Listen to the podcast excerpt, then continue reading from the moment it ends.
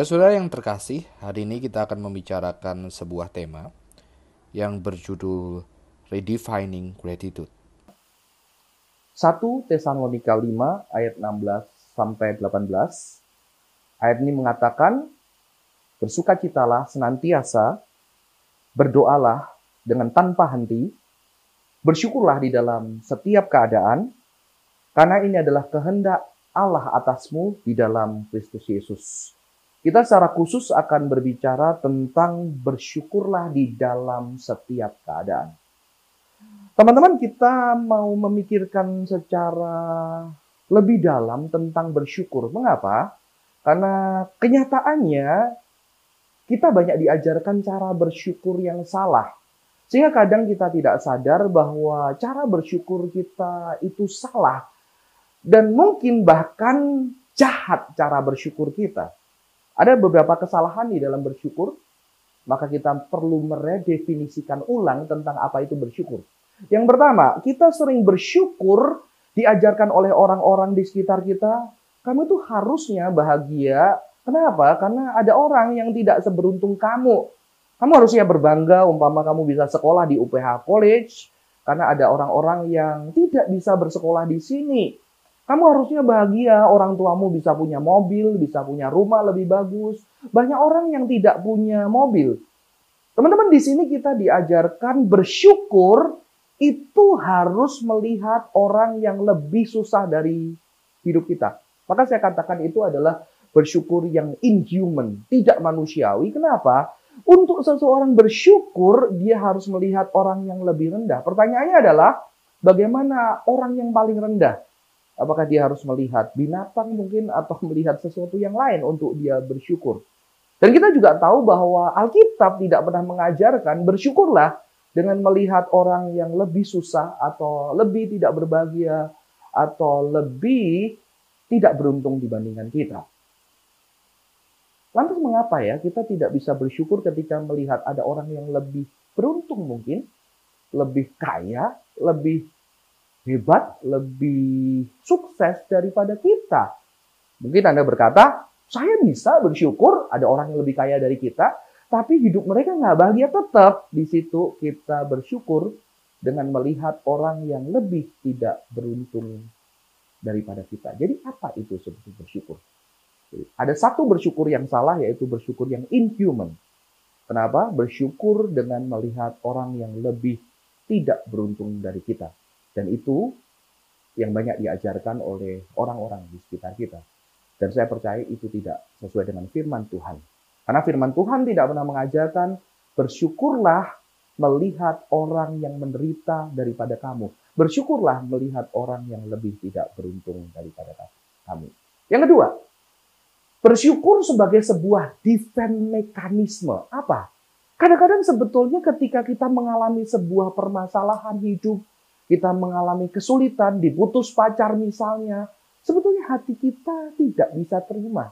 Hati kita kecewa, hati kita marah. Dan ketika kita ketemu orang di gereja, mereka mengatakan, kamu harusnya bersyukur. Kenapa? Karena mungkin Tuhan sediakan yang terbaik buat kamu. Karena Tuhan punya rencana. Sehingga akhirnya walaupun hati kita sebetulnya tidak terima dan kecewa, kita akhirnya menjadikan bersyukur itu sebagai defense mekanisme. Sehingga ketika kita bercerita kepada orang, padahal hati kita sedih, kita mengatakan, oh, aku bersyukur loh putus. Kenapa? Karena paling enggak aku mungkin ada yang lebih baik dari dia yang Tuhan sediakan. Di sini juga bersyukur sesuatu bersyukur yang salah. Kenapa? Karena bersyukur di sini sebagai sebuah defense mekanisme atau bahkan ini adalah ilusi yang kita ciptakan untuk kita bisa menerima keadaan buruk atau keadaan yang tidak menyenangkan yang kita alami. Dan ini sesuatu yang tidak sesuai dengan Alkitab.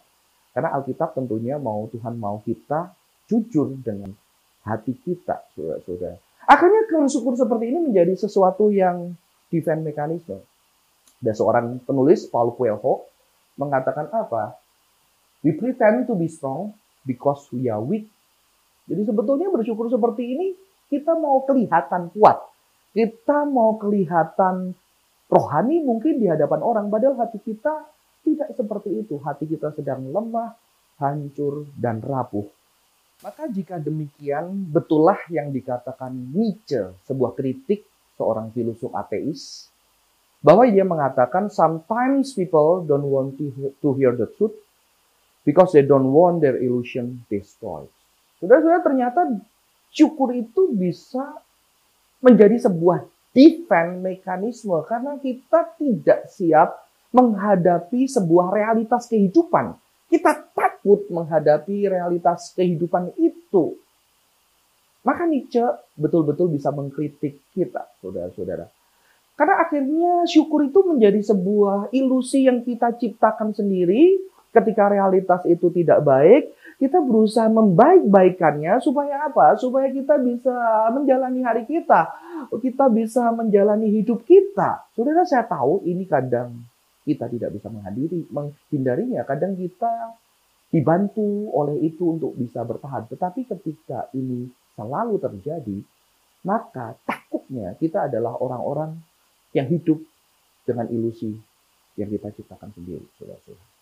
Maka saya setuju sekali dengan sebuah kisah di novel Alchemist dari Paul Coelho. Dia menceritakan seorang muda yang punya impian pergi ke sebuah negeri untuk berjumpa dengan ahli alkemi. Yang dia mendapatkan cerita bahwa alkemi ini bisa menciptakan dari benda-benda tertentu menjadi emas. Dan akhirnya pemuda ini berjuang untuk pergi ke sana, dia bekerja keras, dia juga mengumpulkan uang, dia menggunakan seluruh kelebihannya untuk mendapatkan uang yang cukup banyak untuk pergi menemui alkemi yang legendaris itu. Sampai suatu hari dia pergi sampai ke sebuah puncak tetapi di puncak itu dia menjadi sukses, dia berdagang gelas-gelas kaca. Dan ketika seluruh uang itu begitu banyak dan dia bisa pergi, dia memutuskan tidak mengejar impiannya. Dan dia takut ketika dia menghadapi impiannya nanti, dia tidak mempunyai impian. Impian yang diciptakan sendiri. Dia takut ketika dia nanti mencapai cita-citanya, jangan-jangan saudara-saudara, itu tidak seperti yang dia bayangkan. Jadi Ternyata manusia itu bisa menciptakan ilusi untuk dia bisa bertahan hidup. Maka sebetulnya Nietzsche mengajarkan sesuatu dengan kita dengan sebuah semboyannya. Amor fati, cintailah hidupmu. Mengapa saudara-saudara? Karena banyak dari kita tidak berani melihat realitas hidup kita. Banyak kita perlu berpikir dan menciptakan ilusi-ilusi untuk kita menerima kenyataan yang buruk dalam hidup kita, kita tidak bisa terima, maka kita menciptakan ilusi yang baik untuk kita bisa hidup, untuk kita bisa kembali menjalani hidup kita. Dan saya rasa dua bersyukur ini adalah bersyukur yang salah. Yang satu, bersyukur yang inhuman. Yang kedua, bersyukur sebagai defense mechanism atau illusion karena kita tidak berani menghadapi realitas kita. Dan kita akan melihat di dalam Alkitab apa yang Alkitab ajarkan tentang bersyukur dari ayat yang kita baca tadi. Ternyata Alkitab mengajarkan bersyukur, kata bersyukurlah di sini di ayat yang kita baca adalah sebuah perintah. Sebuah perintah jadi ternyata bersyukur adalah perintah, saudara-saudara. Jadi ketika Tuhan mengatakan bersyukurlah di dalam segala hal, dia memerintahkan kita bersyukur. Saudara, pernahkah kita membayangkan ketika seorang teman memberikan kita sebuah benda, dan setelah dia memberikan itu, dia bilang sama kita, aku perintahkan kamu bersyukurlah, berterima kasih kepadaku. Tentu ganjil ya, saudara-saudara. Tapi bagaimana dengan Tuhan? Katanya Tuhan memberkati hidup kita, semua yang kita miliki itu dari dia, tapi ternyata setelah dia berkati, dia memerintahkan kita untuk give thanks, untuk bersyukur kepada dia. Pertanyaannya adalah, mengapa Tuhan melakukan hal aneh ini, saudara? Apakah dia diuntungkan dengan ucapan syukur kita? Apakah dia disenangkan? Apakah dia lebih bahagia daripada ketika dia mendapatkan ucapan syukur kita? Tapi kita tahu bahwa Tuhan itu sudah tidak perlu apa pun dari diri kita. Jadi mungkin saudara-saudara justru sebaliknya, ternyata ketika kita diperintahkan bersyukur, itu adalah sebuah kebaikan buat kita. Dan kalau begitu, apa kebaikannya, saudara-saudara?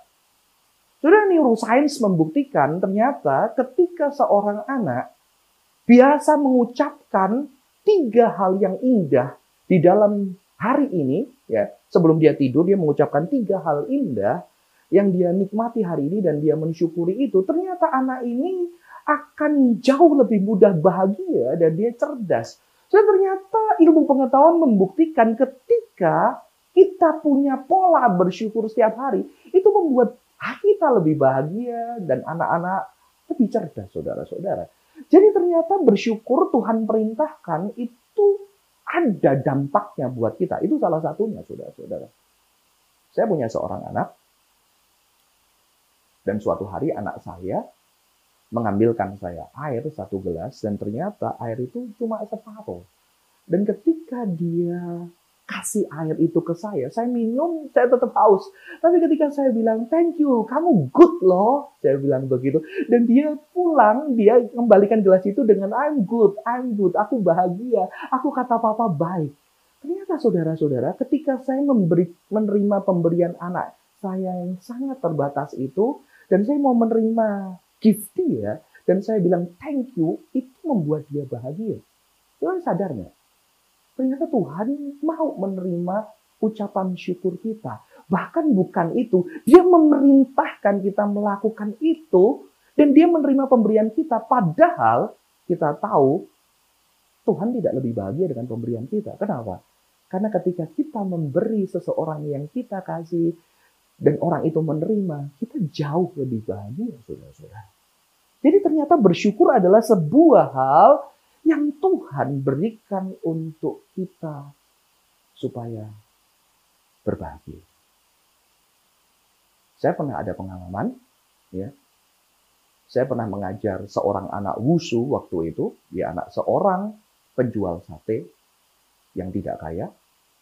Suatu hari ketika saya sedang sekolah Alkitab, saya sedang naik sepeda motor, saya mantri di pom bensin. Tahu ada seorang dengan sepeda motor memotong antrian saya. Dan ketika dia memotong antrian saya, saya pikir dia melotot ke saya, saya pikir saya diajak berkelahi, saya pegang helm saya, dia melotot ke saya dan dia buka helmnya, ternyata dia panggil saya, Ko Johan. Oh ini adalah anak yang dulu saya ajar kungfu, saudara-saudara. Dan kenapa dia memotong sepeda motor saya begitu ya?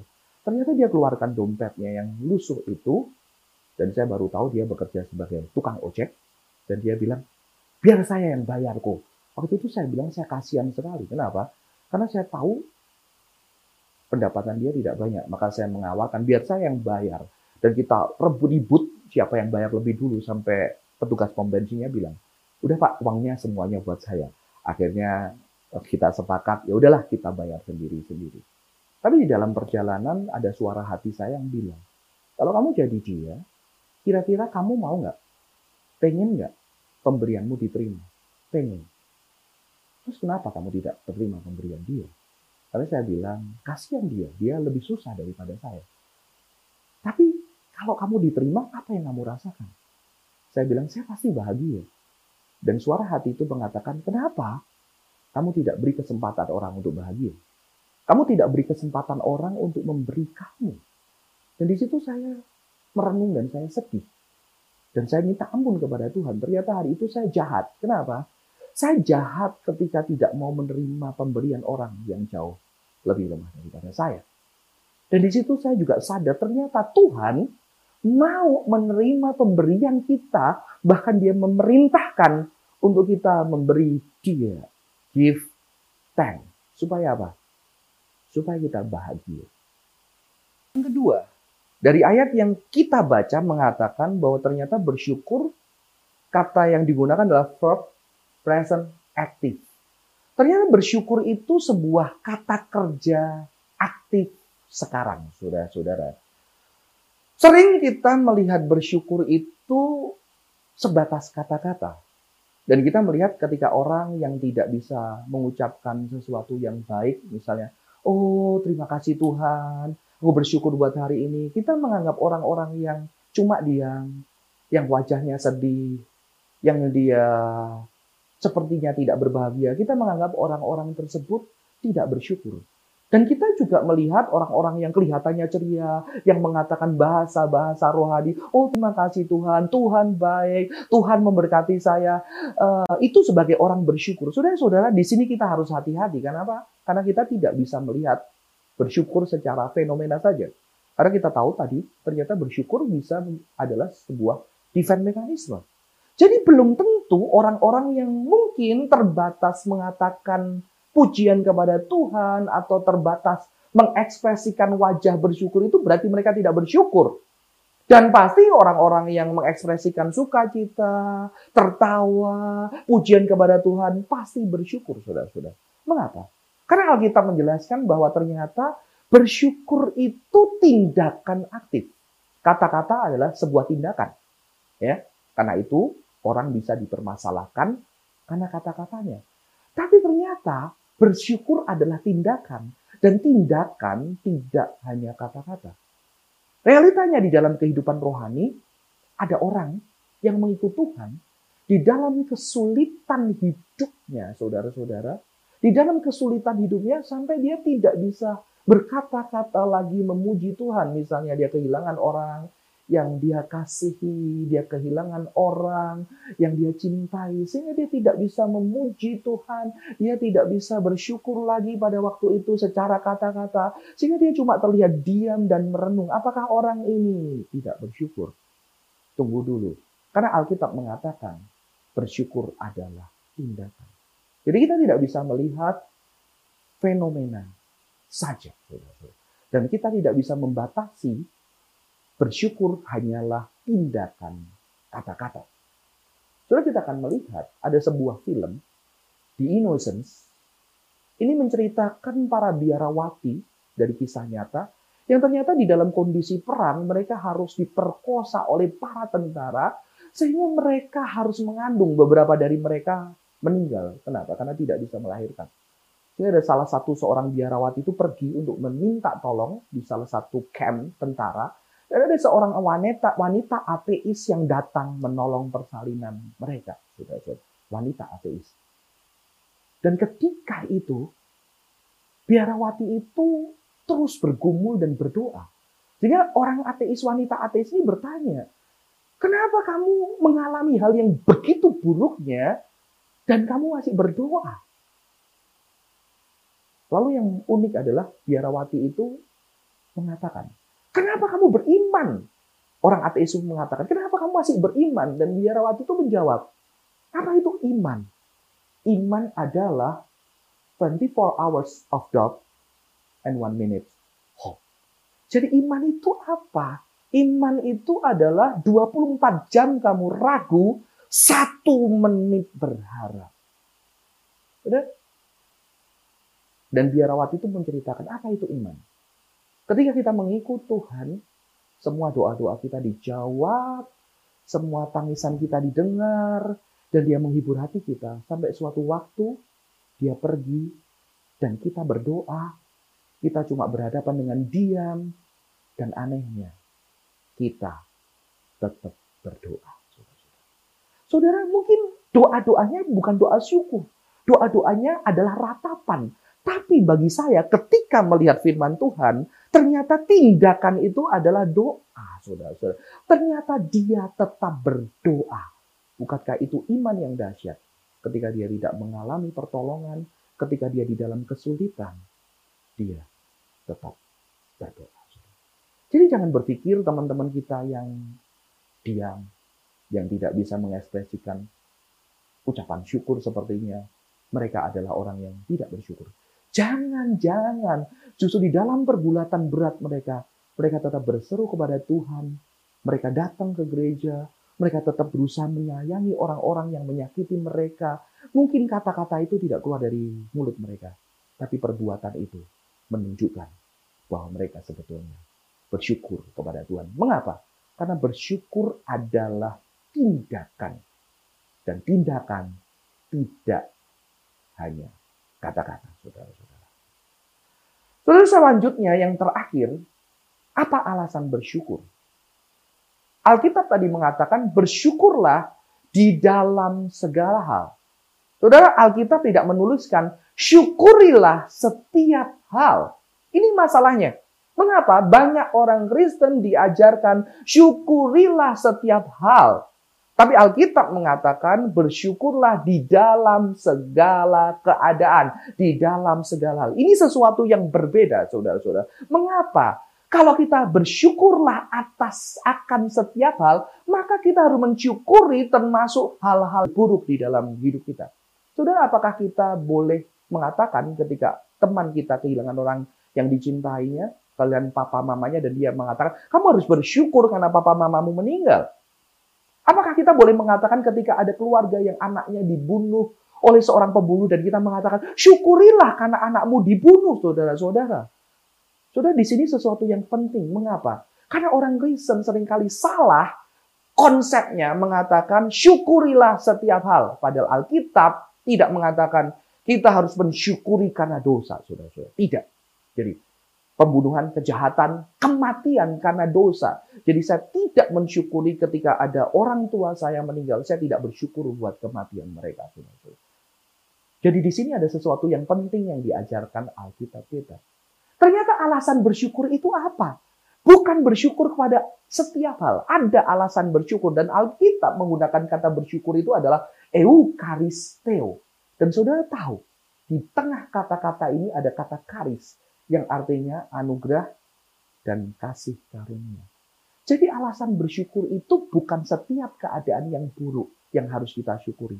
Tapi anugerah atau kasih karunia di dalam keadaan buruk yang kita alami. Maka dikatakan, bersyukurlah di dalam segala keadaan.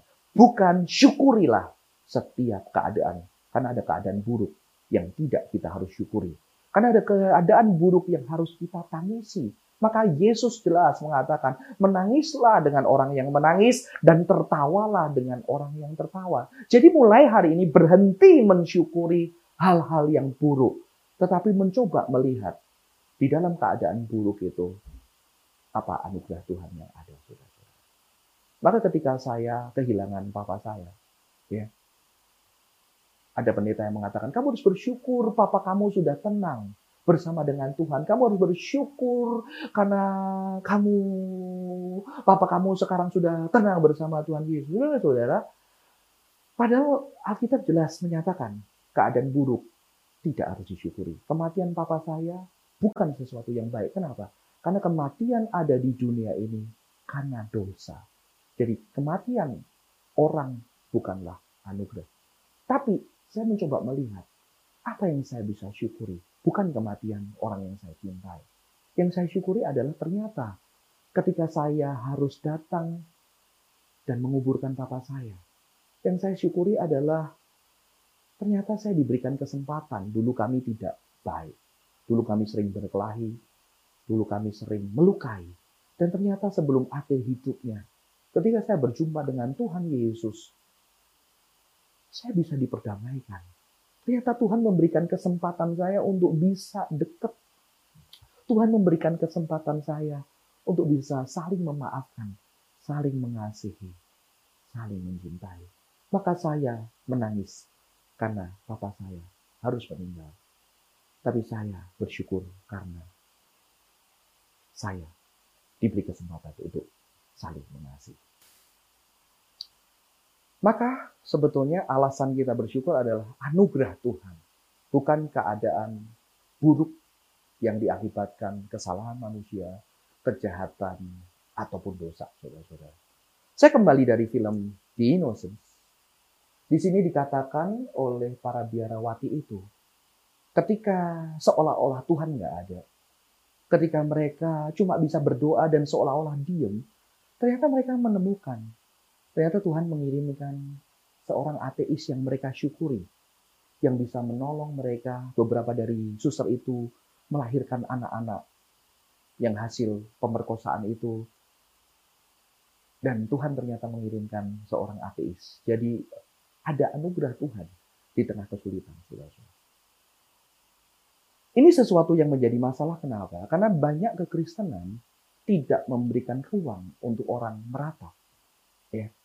Kadang syukur itu digunakan sebagai sebuah alat justru untuk menekan orang yang harusnya ada kesempatan meratap, sedih. Ternyata manusia itu butuh waktu untuk sedih, butuh waktu untuk bahagia. Dia tidak bisa langsung. Saya punya seorang anak bimbing di gereja.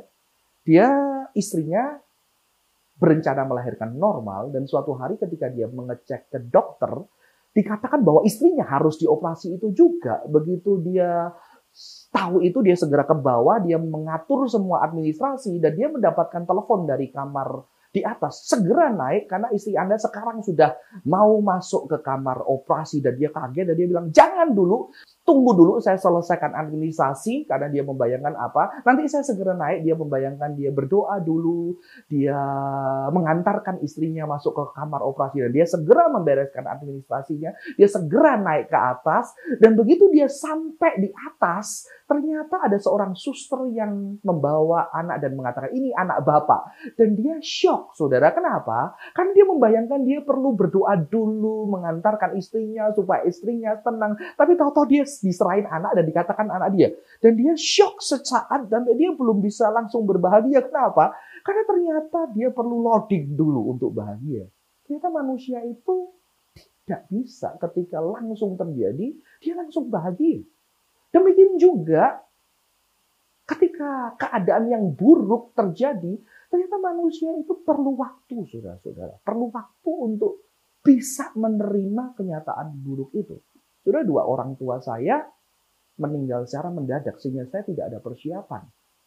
Tapi di sini saya mengerti sebuah ilmu pengetahuan neuroscience mengajarkan ketika kita kehilangan orang yang dicintai, maka kita perlu merubah perabot rumah kita kalau orang itu dekat sama kita, mama istri, keluarga kita. Mengapa? Karena ketika kita menggeser seluruh perabot itu, otak kita bekerja berubah sehingga kita langsung perasaan kita bisa mengikuti pergeseran itu. Perasaan kita tidak mengingat lagi di mana orang itu kita duduk paling cepat sih pindah rumah, saudara-saudara. Ya. Dan saya mengetahui itu ketika saya papa saya meninggal, saya harus pulang dari Jakarta ke satu kota Blora dan saya menguburkan papa saya. Kita berduka, kita berduka sekitar 3-4 hari dan setelah itu saya kembali ke Jakarta. Dan ketika kembali ke Jakarta, suasana berbeda. Mengapa? Karena saya setiap hari di Jakarta seperti biasa, sehingga saya menjalani hidup saya seperti biasa. Rasa berduka itu tidak ada. Tapi ternyata manusia itu perlu waktu untuk berduka. Mengapa? Karena keadaan di sekitar saya kembali seperti semula. Sehingga kadang-kadang saya bisa lupa loh. Lupa kalau ternyata papa saya sudah tidak ada. Dan setelah 3-4 bulan kadang-kadang saya tidur, saya menangis dan saya menangis mimpi seolah-olah papa saya ada atau nggak ada. Jadi ada satu waktu yang saya tidak pergunakan dulu ketika berduka. Saya buru-buru bekerja, saya buru melakukan aktivitas, saya melayani dan akhirnya Ternyata manusia butuh waktu untuk berduka. Maka Alkitab jelas memberikan ruang. Dan kita punya Tuhan yang juga berduka ketika mengalami duka. Yang saya juga yakin tertawa ketika dia bersuka cita. Karena semua itu ada waktunya. Tetapi di dalam keadaan yang buruk, mari kita belajar kira-kira anugerah apa yang Tuhan berikan di dalam keadaan buruk itu. Mungkin kita bisa merefleksikan sekarang, apa ya kira-kira keadaan yang buruk yang mungkin sedang kita alami, atau dulu kita alami. Keadaan buruk apa yang kita alami, dan apa yang mengecewakan kita. Kita bisa refleksikan apa kira-kira yang mengecewakan kita, kita bisa tuliskan itu, dan kita boleh kembali menaruh perasaan itu. Kalau kita kecewa, kita nangis, kita marah, kita sedih, kita tulis itu, tetapi di saat yang sama setelah itu selesai, mari kita coba lihat ketika hal buruk itu, apa hal yang baik yang bisa kita ingat. Mungkin ternyata di hal buruk itu ternyata kita ada seorang sahabat. Atau ternyata kok kita bisa lewat ya. Atau ternyata di dalam hal buruk ini kok hidup kita hancur-hancur banget. Mari kita cari hal itu dan semoga ini bisa menjadi refleksi buat kita. Sehingga kita bisa menangisi hal-hal yang harusnya tidak kita syukuri, dan kita bisa mensyukuri hal-hal yang harusnya kita syukuri, saudara-saudara. Semoga ini bisa membantu kita. Semoga kebenaran firman Tuhan itu bisa menolong kita. Dan kita berani jujur dengan diri kita. Sehingga kita tidak melakukan ucapan syukur yang inhuman, yang divine mekanisme. Tapi kita sebagai anak Tuhan, kita bisa tahu saat ketika kita harus menangis dan saat ketika kita harus bersyukur.